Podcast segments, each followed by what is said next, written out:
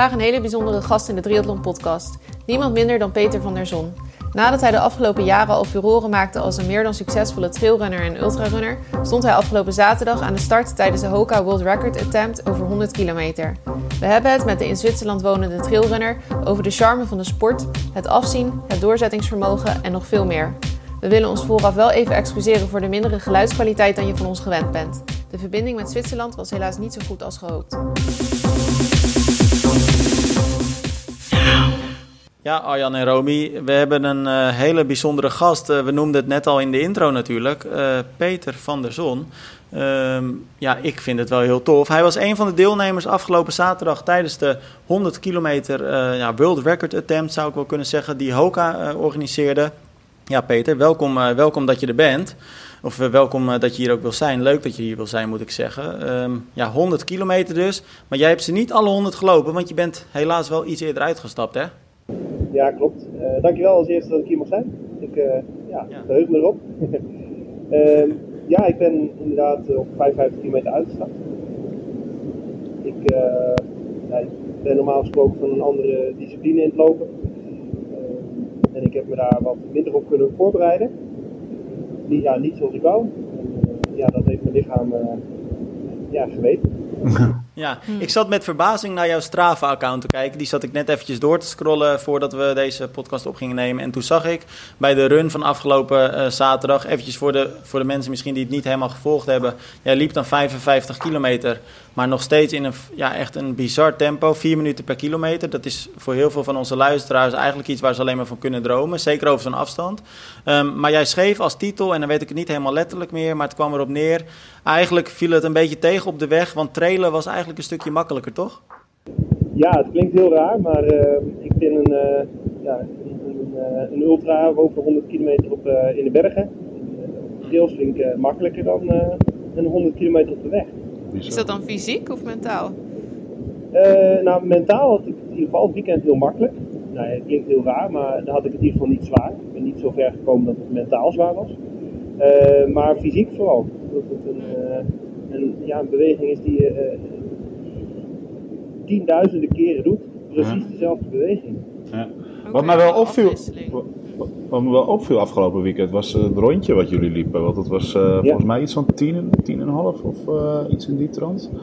Uh, ja, we hadden negen, negen rondjes inderdaad. De eerste was iets korter. Ja. Daarna was het elke keer 11,2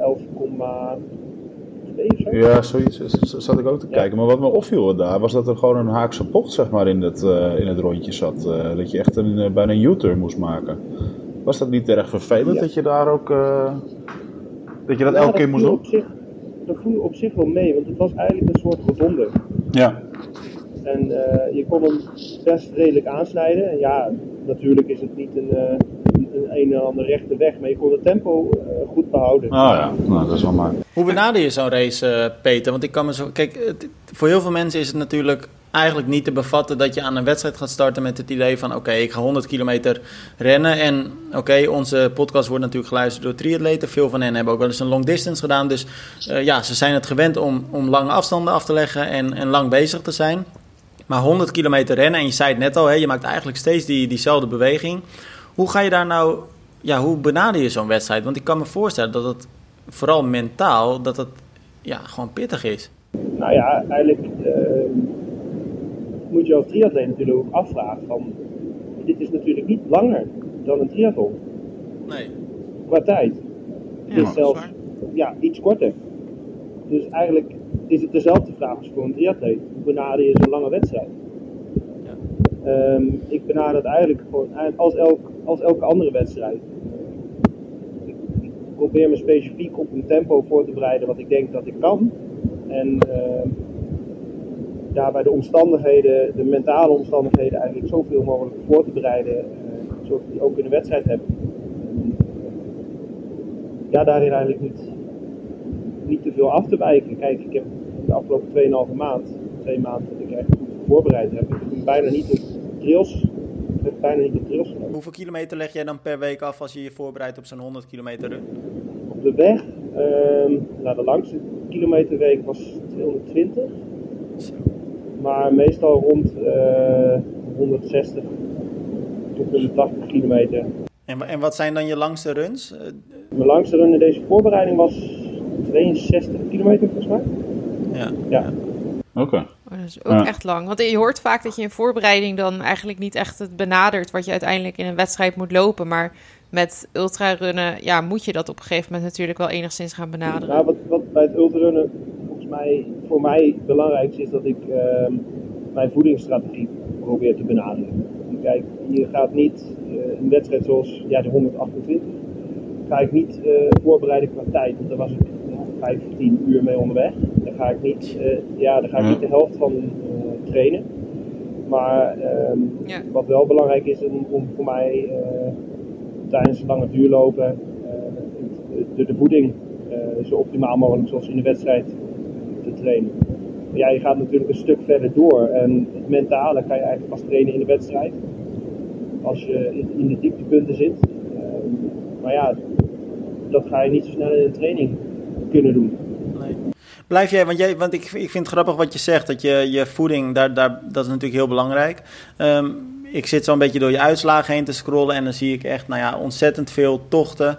En ik kan ze wel eventjes opnoemen. Ik zie bijvoorbeeld in 112 kilometer, 128 kilometer, 50, 100, 101, 145 verspreid over drie e-, etappes. En zo kan ik nog een hele tijd doorgaan en ik zie ook heel veel topklasseringen erbij staan. Een uh, aantal overwinningen ook. Maar merk jij nou ook dat je gedurende die uh, wedstrijden, naarmate je er meer doet, dat je daarbij ook meer inzicht krijgt in wat dan werkt qua voeding voor jou? Of weet je dat inmiddels wel? Nou, ik heb dat eigenlijk uh, op het begin altijd wel wat onderschat. Nou ja, onderschat. Ik heb uh, in het begin eigenlijk nooit de luxe gehad dat er een crew voor mij soms staat. Die mijn eigen persoonlijke voeding ehm, aangeeft. maar ik heb begin vooral uh, de verzorgingsposten daarin gebruikt en eigenlijk niet genoeg kennis over gehad wat, wat mijn lichaam gebruikt en wat hij uh, nodig heeft tijdens een trail om goed te kunnen lopen. Heel simpel, ik heb bijvoorbeeld vooraf heel vaak uh, fruit gegeten of um, ja, rozijnen. Maar ja, je hebt ook bepaalde andere koolhydraten nodig. En dat heb ik eigenlijk sinds, een jaar of twee ben ik dus aan koolhydraatdranken begonnen omdat daar een aardige uh, ja, stabiliteit in voeding in zit, die ik dan ja, per uur binnenkrijg. En dus ook een, ja, een stabiele uh, energietoevoer. Ja. En uh, dat heeft mij in de afgelopen jaren, twee jaar, echt ja, een grote stap vooruit gezet. Eerst in het herstel. Tijdens de trainingen doe ik dat ook. En ook in de wedstrijden van ja, de energie. Ik kan het tempo lang door uh, aanhouden. Ja, het, het, het, is nu natuurlijk lastig te zeggen, want je bent eerder uitgestapt dan die 100 kilometer. Maar hoe lang is duurt jouw herstel nou gemiddeld als je echt zo'n lange tocht uh, loopt? Zeg dan 100 kilometer bijvoorbeeld. Ja, eigenlijk uh, ik hou twee of drie dagen rust. Maar daarna ben ik uh, ja, na een week beginnen de normale training weer wat. Wat minder intensief, niet heel intensieve interval of niet heel snel interval. Uh, maar na twee weken is eigenlijk het programma weer normaal. Arjan, hoe kijk jij ernaar? Ik vind het echt bizar. Ja, ik vind het bizar. Kijk, ik, ik uh, volgens mij, wat is het, een weekje of uh, nou, een maandje of drie geleden al, vond ik het al bizar dat jij die 100 kilometer ging lopen, Tim. Ja, dat, iets, uh, had dat ook niet vergeten. Hard, ja, ja, ja, ja, maar, maar toch. En als ik dan zie inderdaad, want daar wilde ik naartoe, als ik dan zie wat, wat Peter voor tijden loopt, jongen, daarbij, ook nog op die 100 kilometer. Althans, maar nu even die 55 kilometer alleen al, dan denk ik al, jeetje, mina man. Echt, ja, dat zijn bizarre tijden en, en, en ja, heel erg Heel erg knap. En ja, je, zal mij niet snel zien doen. Peter, als ik zo een beetje tussen de regels doorluister, hè, dan is dat trailen, dat vind je eigenlijk leuker dan die, uh, die tochten op de weg. En uh, ja, wij als triatleten volgen natuurlijk ook de hardloopwereld een beetje. Ik luister ook wel diverse hardlooppodcasts. en ik heb het idee dat de trailrunwereld wel een beetje in opkomst is. Hè? Mensen beginnen dat een beetje te ontdekken, vinden het steeds leuker en het, het wordt gewoon populairder. Uh, merk jij dat ook? En zo ja, heb je enig idee hoe dat komt? Ja, ik merk zeker dat het uh, populairder is. Ik weet niet per se hoe het komt, maar het is, het is wat afwisselender. En iedereen kan het wel ja. op elk moment van de dag doen. Dus mensen maken ja, er vaak, je ziet dat ook wel. Hè? Mensen maken er ook gewoon een, een, een uitvlucht van bijvoorbeeld naar de bergen. Om daar te gaan wandelen, te gaan hardlopen, te gaan trailrunnen. Uh, en het, je, je ziet, ja, mensen, je ziet gewoon veel meer. Je kan misschien wat meer de natuur in dan op met hardlopen op de weg. En ja, ik denk dat dat wat aantrekkelijker is geworden voor mensen. Ja. hoe ben je er eigenlijk zelf zo op een gegeven moment ingerold? Want je had vast al een sportieve achtergrond, maar is dat dat je begint met hardlopen en dat het gewoon langzaamaan, ja, dat je steeds iets gekkere doelen voor jezelf stelt? Ja, eigenlijk wel. Ik, uh, ik loop nu al een jaar of 10, 11 hard. Uh, volgens mij in 2009 of 2010 mijn eerste marathon gelopen dat heb ik een aantal jaar ben ik dat blijven doen. Half marathon, een keer marathon, of uh, een marathon, een keer kortere afstand. Maar uiteindelijk had ik gemerkt dat ik uh, ja, niet snel genoeg was om ja, mee te kunnen doen aan uh, wedstrijdjes en dan hoog te kunnen eindigen. En toen ben ik een keer voor grap op, in België een, een, trail gaan lopen, 50 kilometer. En ja, dat beviel me eigenlijk heel goed. En op dat moment, ja, een paar maanden daarna ben ik naar Zwitserland verhuisd. En ja, daar uh, is het eigenlijk uh, een soort van uit de hand gelopen. En daar en is het natuurlijk is het helemaal. Echt, uh, een beroep. Het is, het is echt je, ja, je beroep op dit moment. Ja, nee, ik moet wel gewoon nog werken. Maar ik, ik verdien er wel wat geld mee. Ja. Wat doe je, wat doe je daarnaast? Ik ben een fysiotherapeut. Ah, dat vind ik dan wel een hele interessante, want dan kan ik me zo voorstellen dat er ook heel veel fysiotherapeuten zijn die misschien zouden zeggen, ja, dit soort afstanden is dat wel zo verstandig. Hoe kijk jij daarnaar? um, ik moet zeggen dat uh, ja, uh, na dit weekend heb ik wel gemerkt dat op de weg uh, een stukje ongezonder is voor mijn lichaam dan op de trail. ja. ja. ik, heb dit, ja, ik heb dit nog nooit zo gevoeld zoals ik dit op, op een trail voel. Ja, ik heb nee. tijdens een trail ook wel pijn of, of ja, maar dat komt meestal door een val, bijvoorbeeld. Of um, als ik een hele lange uphill heb het kan zo zijn dat je 2000 meter omhoog gaat. ja, dan gaan je benen ook wel branden. Maar ja, daarna ga je weer naar beneden of ga je weer vlak rennen en dan heb je een heel andere belasting. Dat je lichaam toch wel een soort van kan herstellen. En ja, ik heb tijdens de eerste marathon weet ik nog, een maand lang of zo niet kunnen lopen daarna. Niet kunnen hardlopen en last gehad, twee weken lang. En dat heb ik nog nooit van de trail gehad. Ja, op zich is dat bij een marathon ook nog best wel normaal, denk ik, dat je daar lang van moet herstellen. Maar het is wel gek dat je dat met een trail dan dus een stuk minder hebt. Terwijl het eigenlijk ja, aan de andere kant ook weer een stuk zwaarder is. Ja, maar ik, ik denk dat ik het ook wel snel. Wat, wat Peter ook zegt, is, het is natuurlijk wel, kijk, die, als je op de weg loopt, zo'n zo'n rondje wat nu met die 100 kilometer was, of gewoon een marathon. Het is wel eigenlijk altijd dezelfde herhalende beweging die je doet. Terwijl je bij trail mhm. altijd je moet je pas, je ritme, je moet alles aanpassen steeds. En inderdaad, de ene keer loop je omhoog, dus dan gebruik je toch net even wat anders dan dat je naar beneden gaat lopen. Dus ja, je gebruikt heel anders je lichaam natuurlijk. Je gebruikt bij uh, trailrunnen gewoon veel, veel meer spieren. Uh, ik heb, Sinds ik dus ben gaan trainen voor de 100 kilometer op de weg, ben ik drie kilo afgevallen. Zo. Dat bizar. Ja. En, en waar had jij dan afgelopen zaterdag de meeste last? Want waren dat dan inderdaad de bovenbenen van steeds het opvangen van die klappen? Of waren dat, is dat misschien je rug geweest of toch je gewrichten? Waar had je dan de meeste last van? Um, ja, ik weet niet of jullie ja, de, een beetje spieren kennen, maar eigenlijk de spier die ook gebruikt bij het fietsen heel veel. De iliopsoas, dus de heup die, die de heup eigenlijk heft. Oké, okay, ja. Um, oh, ja. En daardoor ben ik ook iets anders gaan lopen en heb ik ook voor mijn bilspier uh, wat, wat last gekregen. Ja. Uh, maar ja er zijn, even kijken, 24 atleten volgens mij gestart. Of nee, iets wat tegen de 30 met pacers erbij. Mhm. En ja. uh, van de atleten die. ja, er zijn er maar 7 gefinished. Ja, ja, precies. Drie kwart van de atleten die ik gesproken had, uh, die ook uitgestapt zijn, die hadden een, uh, hetzelfde klacht als ik. Ja, ja. Maar zijn dat dan ook trailrunners die dat ook niet gewend waren? Ik denk dat er drie kwart weglopers was. Uh, maar komt het dan ook omdat het, omdat het een raar jaar is geweest, dat er weinig wedstrijden misschien zijn geweest? Nee, ik, uh, ik denk echt dat het uh, door de belasting komt. Want dit jaar met de weinig wedstrijden heeft, hebben mensen wel heel goed kunnen trainen. Heel sta ja. stabiel en ehm, ja, de, de eerste die dus ja, de, gefinished is, die heb ik Strava bijvoorbeeld ook kunnen kijken. Die heeft de laatste tien weken gemiddeld 210 gelopen met hoogtemeters erbij. En die heeft heel stabiel kunnen, heel stabiel kunnen lopen. En ja. ja. Hoe kwam jij eigenlijk überhaupt bij dit evenement terecht? Hebben ze jou daarvoor uitgenodigd? Hoe ging dat? Uh, nou ja, het is uh, eigenlijk sinds anderhalf jaar mijn sponsor ook, ja. Hoka. En uh, die hebben gezegd van ja, een, manager vanuit Europa, in drie namelijk Europa, Azië en Amerika, die vroeg van ja, jullie, heb je zin om in Amerika te lopen? Het is geen druk, je hoeft niet een bepaalde tijd te lopen. maar wij willen een paar van Europa erbij hebben. En ja, ik, ik had eigenlijk altijd eerst gezegd nooit meer een marathon. Ja, het is geen marathon. ik dacht een ultra is toch wel even iets anders. Dus misschien wel uh, leuk om een keer te proberen. Ja. Maar uiteindelijk was het dus niet zo leuk. Wat was het moment uh, waarop je dacht van oké, dit, dit gaat hem niet worden? Was dat echt na 55 kilometer of had je eigenlijk al na, na misschien 30, 40 kilometer dat je zoiets had van nou, ik ga hem gewoon niet uitlopen vandaag? Nou, ik had na 20 kilometer had ik al, uh, begon ik al last te krijgen. Oh, ja ook uh, bepaalde spanningen die ik tijdens de training al voelde, uh, bepaalde ja, aanspanning van mijn buik, uh, merkte ik ook al. Nou ja, dat was niet het probleem. maar toen begon ik na 20 kilometer voor mijn al te voelen. na 30 kilometer kwam mijn heup er een beetje bij.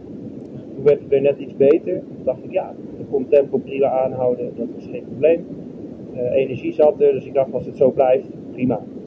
Dan kan ik hem doortrekken. En maar na 50 kilometer uh, werd het weer ja, erger en na de 52 kilometer uh, had er een heel lang stuk, stuk tegen de wind in. En uh, begon mijn lies echt steken en had ik meer last en moest ik ook het tempo gaan minderen. Ja. En ja, toen dacht ik wel van, het is niet de optimale voorbereiding geweest. Ik heb geen zin in een blessure waar ik lang mee bezig ben. Want ik heb deze al eerder gehad. Toen ik nog op de weg liep, was ik er 2,5 maand zeker mee bezig. Daar had ik geen zin in. Nee. Hoe groot is dan de teleurstelling op zo'n moment dat je toch het besluit moet maken van ik, ik ga hem niet, uh, niet naar de streep uh, lopen vandaag? Nou ja, het begint natuurlijk echt wel uh, hoog. Ja. En dan ben je echt wel even chagrijnig. Maar ik denk de teleurstelling was minder voor mij nu, omdat ik uh, omdat het niet mijn discipline is. Ik weet niet of het gek klinkt. Nee, vind ik vrij logisch. Maar het was, ja... Een goede reden. Nou, ik het, is wel, ik, ik liep wel op weg op, op het Nederlands record. Uh, uiteindelijk uh, heb ik dat, ja, 3,59 is het Nederlands record. Um, nu dacht ik al op kilometer 30 ik weet niet of ik dat ga redden. Ik weet niet of dat.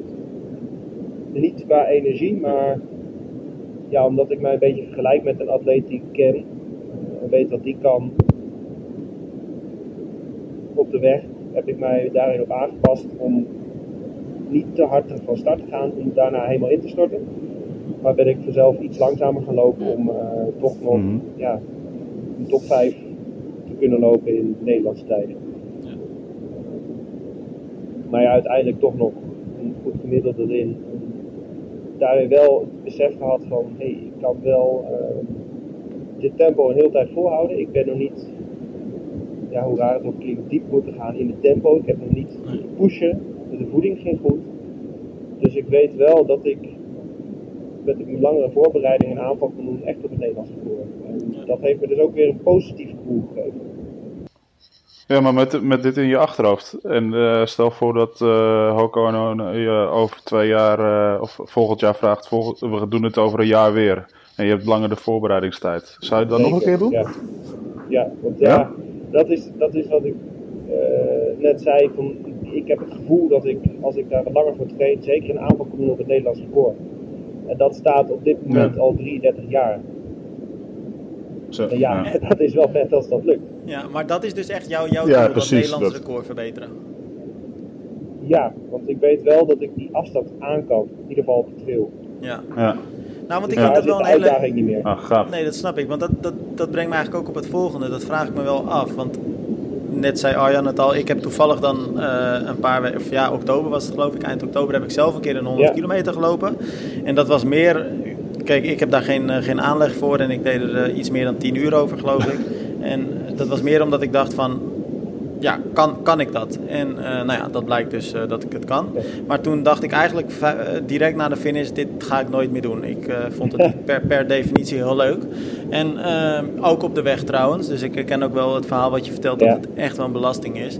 Maar zoals het ook voor heel veel triatleten geldt, je zegt dat vijf minuten na de finish en een dag later denk je toch bij jezelf misschien is het toch wel leuk om het nog een keer te doen. En misschien is het ook wel leuk om bijvoorbeeld 100 mijl te gaan lopen of een keer 200 kilometer. Geen idee. Je, je blijft eigenlijk die grenzen verleggen. Hoe werkt dat voor jullie als, als ultrarunners? Want waar leg je dan op een gegeven moment de grens? En ben je überhaupt ooit nog wel een keer tevreden als je een bepaalde wedstrijd finisht? Als eerst trouwens super dat je die 100 kilometer hebt uitgelopen. Ja, de tijd maakt eigenlijk helemaal niks uit. Kijk, je hebt, iedereen heeft zelf een doel die, die moet die kunnen bereiken. En dat is, nou moeten, die wil die graag bereiken. En als je die bereikt hebt, ja, dan stel je toch weer zelf, voor jezelf een ander doel. En dat is ook bij de trail um, eigenlijk zo. Je hebt meestal, zeg je eigenlijk een beetje op de trail op de, op de hoogtemeters en de afstand. Um, dat is een doel. Minder echt alleen op de afstand of alleen op de hoogtemeter. Want ja, elke, elke trail is weer anders. Ja. Eh, de weg is het meer gelijk. Natuurlijk, een marathon is een marathon. Ja, er kan een paar hoogtemeters in zitten, er kan slecht weer zijn. Maar in de berg heb je veel meer verschillende variaties, dus technische graad. Dus je stelt misschien het doel dat, uh, dat je op alpine terrein, dus op echt hoog terrein, in de hoogte gaat, een wedstrijd gaat doen om, om daar een extra doel in te halen. Uh, ja, een keer 100 mijl staat persoonlijk ook op mijn lijstje. Al, uh, al, vindt mijn, al vindt mijn coach dat ik daar nu nog te jong voor ben en te snel. Dus daar mag ik nog niet aan beginnen. maar zo stel je inderdaad van jezelf andere doelen. En misschien is dat ook wel, om terug te komen op dat de trailrun een beetje het opkomen is. Uh, er zit meer variatie in dan alleen maar op de weg te lopen. Ja, maar dat, dat zie ik ook wel om me heen hoor. Want ik, ik uh, spreek ook wel veel triatleten ja. allemaal. En dan zie je ook steeds meer in de winter inderdaad dat, dat triatleten ook wel bij de trails aan het opzoeken zijn. Gewoon om die variatie volgens mij ook gewoon uh, te krijgen. Omdat ja, natuurlijk in de winter is het voor triatleten heel erg dat ze. Uh, is het nog een beetje van het, de opbouw, de omvang doen, maar niet per se van je moet echt die, die tempo's lopen. Ja, dan kan je dat natuurlijk wel heel leuk in zo'n trail doen. En dan zie je het ook eens wat andere andere delen van Nederland of van, van waar je dan ook bent, waar je traint. Ja. Is dat eigenlijk in uh, de ultrawereld, dus alles wat langer is dan een marathon, is dat dan ook een populairdere ja, soort van categorieën trail? Want hoor je daar meer, is dat juist wat populairder dan de weg? Ja, ik denk het eigenlijk wel. Ik, ik moet zeggen dat ik zelf niet zo vaak iets hoor over een 50 kilometer of ja, 100 kilometer de weg. Ja, 100 kilometer wel iets vaker. Maar 50 kilometer hoor ik eigenlijk nooit 80 kilometer.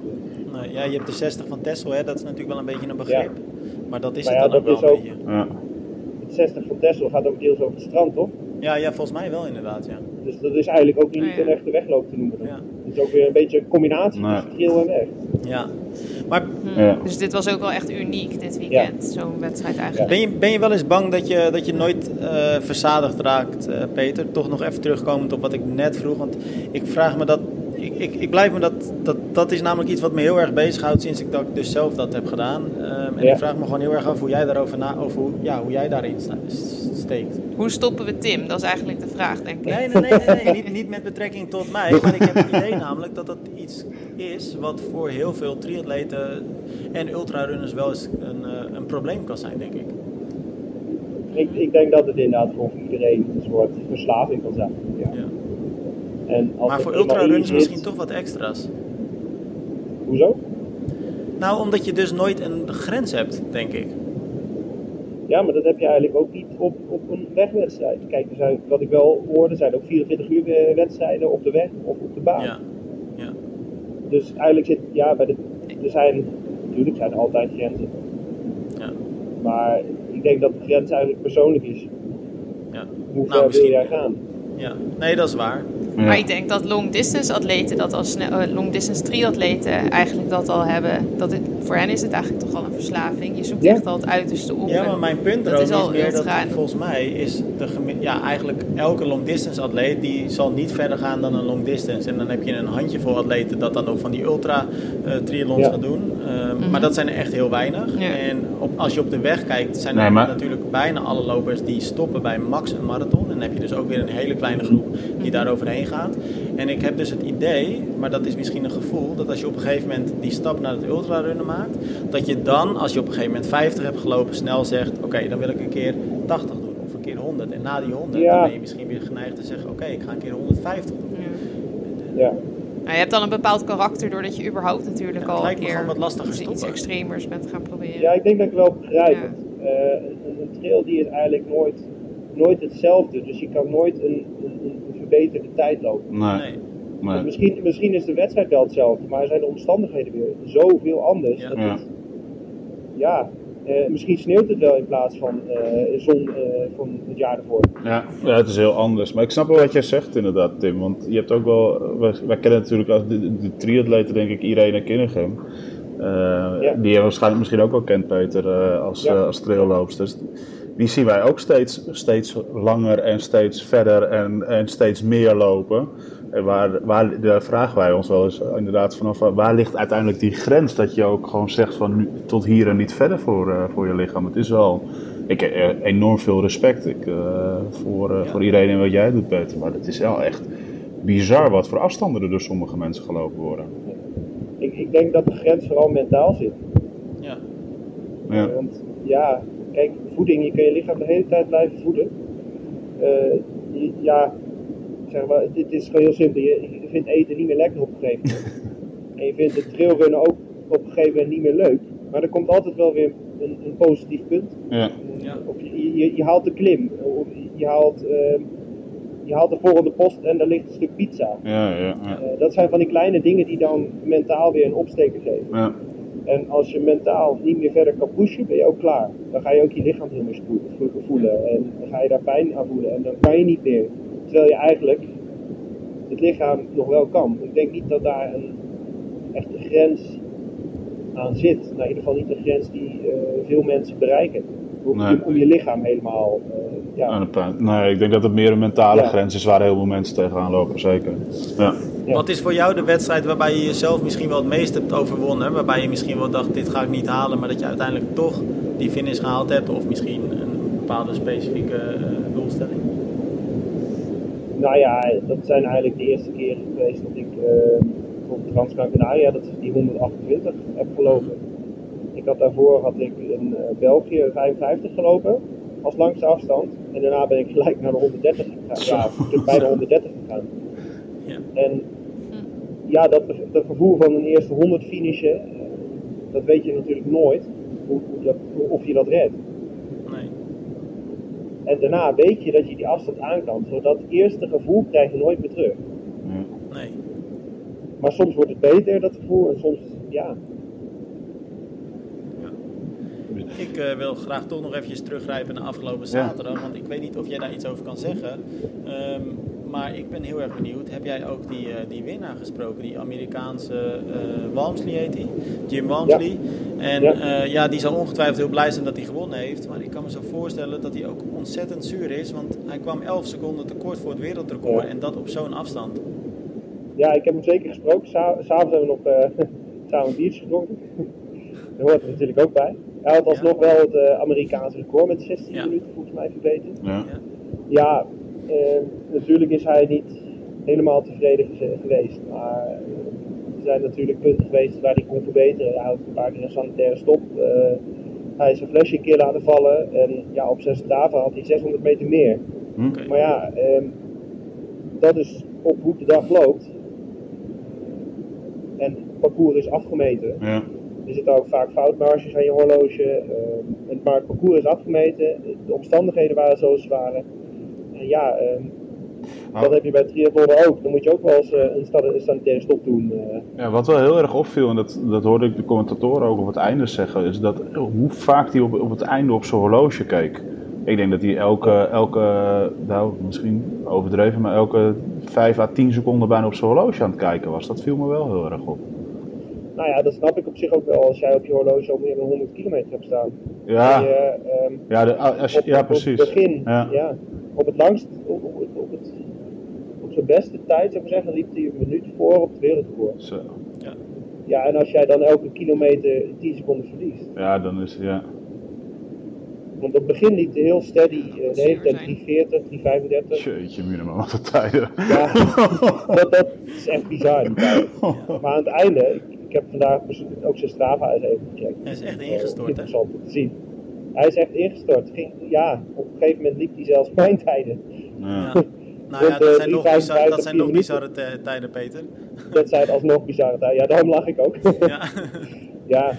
Maar, ja, maar ik ben wel heel erg benieuwd. Dat moment, dat heeft iedereen. Ja, want ik, ik, dat is wel interessant dat je dat zegt. Want um, kijk, ik denk, uh, ik vul het dan voor Romy en Arjan in. Ik denk dat wij het allemaal met elkaar eens zijn. Dat we heel erg begrijpen dat hij op het laatst, nou ja, hij stort in. Je zegt het al, hij was gewoon leeg. Um, we hebben een artikel over uh, geschreven, natuurlijk gelijk na de finish. En um, daar kwamen echt bizar veel reacties ook op. En ja. een van de reacties die verbaasde me nogal, die, uh, diegene die schreef. Um, 11 seconden tekort op 100 kilometer. Oh. Um, wat heeft hij in godsnaam gedaan? Heeft hij lopen slapen de laatste 5 kilometer? Ja, dan begrijp je volgens ja, mij niet helemaal wat. Dan begrijp je het volgens mij niet helemaal, toch, Peter? Nou ja, of, of, hij heeft, uh, of die persoon heeft gezien dat hij inderdaad een minuut voorliep.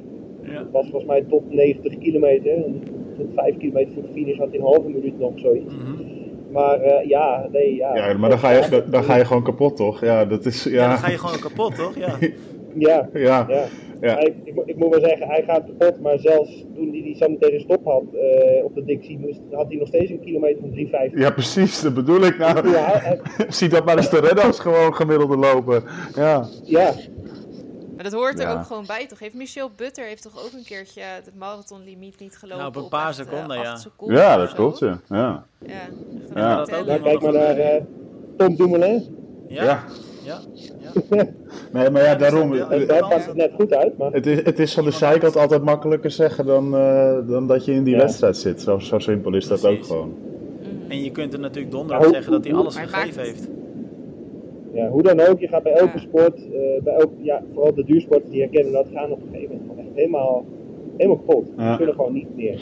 Ik ben wel benieuwd, want we kregen ook reacties onder het artikel hè, op, uh, op wat voor schoenen liep, uh, ja. liepen, liepen. Want volgens mij is het wereldrecord in handen van een Japaner of een Chinees? Ja, is vorig jaar ook in handen van een Japaner. Ja. Ook een Hoka. Ja.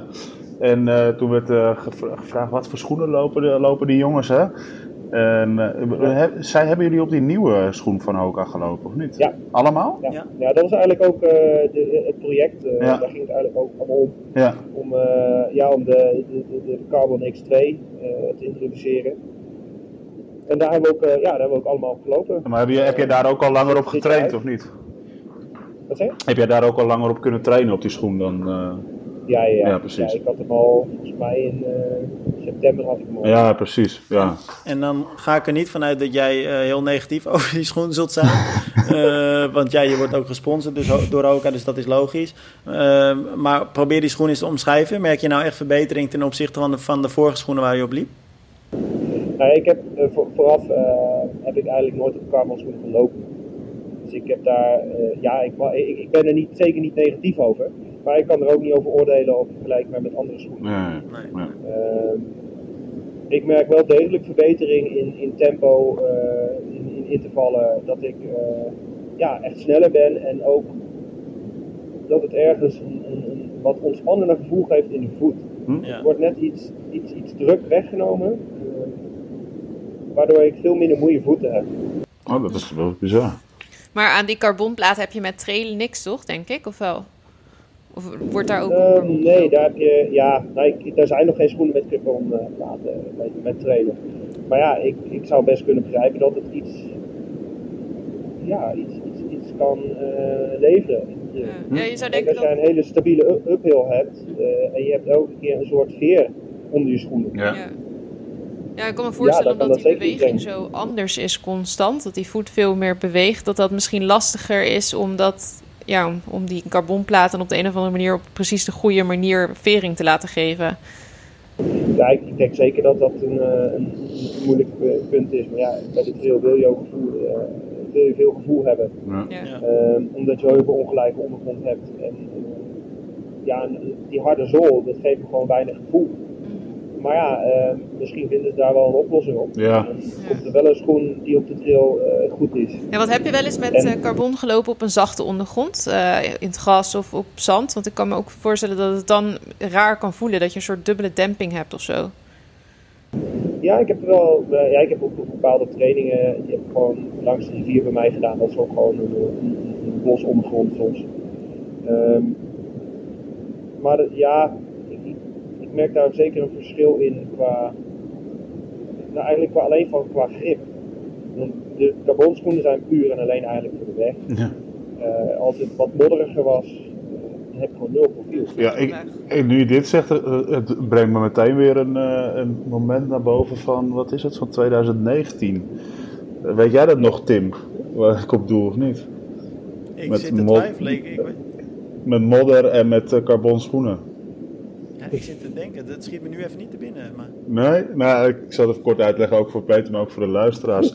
We waren, hadden toen het Nederlands kampioenschappen cross, uh, cross triathlon oh, in Almere. En toen was net die Vaporfly, uh, die waren er, of die, oh, die waren er net. En toen dacht, en atleet, ik zal niet een naam noemen, hij weet wel weer. Oké. ja, hij zegt het. Oh nee. Ja, Joep kan er wel tegen. Die dacht dat inderdaad dat het wel, uh, dat het wel kon op die Vaporflies lopen. Maar het was enorm nat in Almere. En ja, dit, dat was echt erg hoor. Want Joep is inderdaad daar. Die zei achteraf ook, ja, dat ik nooit moeten doen. Echt 0,0 grip. En die is echt. Hij rende enorm hard, maar hij ging ook hard onderuit. Hè? Dat... Hij ging echt een paar keer hard onderuit. ja dat heb ik ook wel eens een keer gehad, ja. Als ik in het bos op een asfaltweg liep waar bladeren op waren bijvoorbeeld. Ja, ja. ja dan pak je de bocht net iets te. Ja. ja. ik weet wel dat er vorig jaar was in Hongkong een uh, wedstrijd die ik ook een keer heb gelopen. Uh, heeft een, een Japanner volgens mij het eerste deel, dat uh, redelijk vlak was, de eerste 50 kilometer van de 100, heeft hij op uh, Vaporflies gelopen. En die schoenwissel gedaan? En, ja, hij heeft de schoenwissel gedaan op 50 kilometer. ja. Dus het kan wel een beetje op de trails. Ja, ja grappig. Ja, En hij, had er iets van, hij was op dat stuk twee minuten sneller dan het jaar ervoor. Zo. Dus oh, ja. helemaal aan de schoen ligt. Ja, het kan. Ja, mensen zweren er wel allemaal bij. Dus ik kan me voorstellen dat het, uh, zeker op zo'n lange afstand, dan heb je er nog langer profijt van. Ja, je, je merkt er echt wel een verschil door. Ja, grappig. Wat zijn jouw uh, doelen voor uh, de komende maanden, Peter? Of kun je daar niet zo heel veel over zeggen, omdat het natuurlijk ja, toch wel weer een gek jaar uh, lijkt te gaan worden?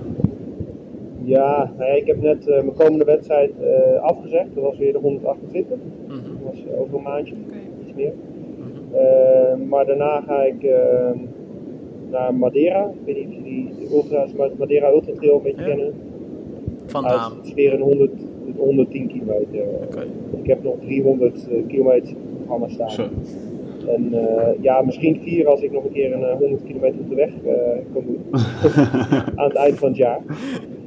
Uh, maar ja, ik ga dus naar, in ieder geval naar Madeira, ik ga naar Oostenrijk, ik ga naar Frankrijk. En ik heb nog een paar kleine wedstrijdjes in Italië als voorbereiding. Een flink programma met zulke afstanden dan alsnog. Ja, het is zeker een, een flink programma, maar wedstrijden zelf ehm, die zijn ongeveer twee maanden uit elkaar. De marathon is inderdaad één of twee keer per jaar. Maar ja, wat we het ook over hadden, is steeds dezelfde belasting. Daar moet, daar moet ik zelf wel een, een veel langere tijd voor stellen. Ja. En van de trails uh, kan ik na twee weken weer een, een normaal blok gaan draaien. Ja. Zijn, er wel eens dagen, zijn er wel eens dagen dat je qua trainingen dat je je bed uitkomt en eigenlijk uh, zoiets hebt van, nou, vandaag even niet, ik heb geen zin? Ja hoor, die hebben zeker. Ja. Dat doe ik er ook niet. Kijk, ja, uh, die, die, ik, ik werk ook gewoon al 34 uur per week ernaast. Zo, ja. En dan heb je gewoon uh, vaak minder energie. Ja. Maar ja, er zijn ook wedstrijden, sorry, er zijn ook weken waar ik uh, vrij ben. Vorig jaar bijvoorbeeld afstand die ik gelopen in die week waar, is het, 240 kilometer met 9000 hoofdkilometers. Omdat ik die week vrij had, omdat er een wedstrijd was afgezegd. Ja. ja. En dan had ik ook wel eens geen zin ochtends, maar dan ben ik toch gegaan. Uh, En dan komt de zin vanzelf wel. Ja. ja. zo werkt het vaak ook, hè? Ja. ja. Als je dan eenmaal bezig bent, dan is het toch een lekker gevoel. Ja. ja. Nou, Arjan, start het dan maar. Uh, Dus over een half jaar komt er voor jou ook een 100 kilometer, of niet Arjan? Uh, nee, nee, nee, nee, nee. nee. Oh, er moet eerst over een half jaar 5 kilometer weer bij mij komen. Ik ben uh, inmiddels zo lang gestopt dat er... Uh, dat, dat die opbouw naar de 100 kilometer duurt denk ik 100 jaar bij mij. Nee, nee ik, eh, kijk, als ik dit soort verhalen hoor, dan, dan kriebelt, kriebelt het wel. En dan, eh, zeker met zulke trails, kijk, ik zal nu niet zeggen dat ik een trail van 100 kilometer geloof, maar een mooie trailwedstrijd van, wat is het, 10, 15, 20 kilometer, dat is ook al enorm gaaf. Lijkt mij gewoon om een keer te doen. Genoeg. Ja, precies.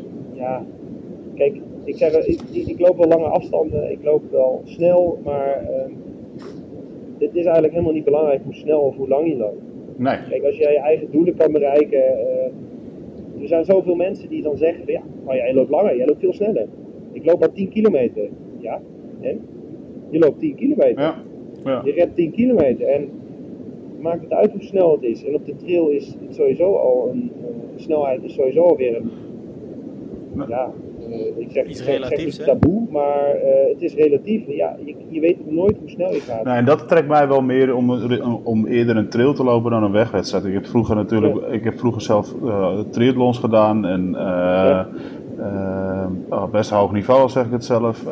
en dan ga ik toch weer vergelijken de tijden met vroeger, zeg maar. En dat dat, ja, dat, dat, is toch een beetje wat, dat in, wat er in je zit. En met zo'n trail zou ik dan denken, ja nee, ik heb gewoon zoveel kilometer gelopen en lekker genoten. En dan kijk je helemaal niet naar die tijd. Dus, uh, dat... Misschien geeft dat wel die rust en die aantrekking die mensen nu willen. Ja, ja.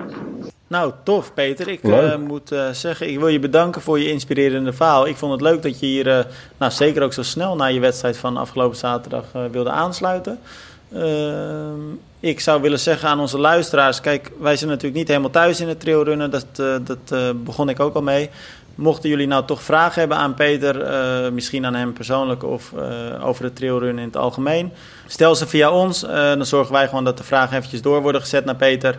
En dan zal die ze ongetwijfeld met liefde beantwoorden, hoop ik, slash denk ik. Nou, perfect. En dan, nou, namens ons nogmaals bedankt en tot de volgende keer waarschijnlijk wel weer een keer. Ja, super bedankt. Ja. Ik verheug erop. Uh, nou. Dankjewel dat ik er uh, bij ben. Nee. Tof. Hoi hoi. Hoi hoi.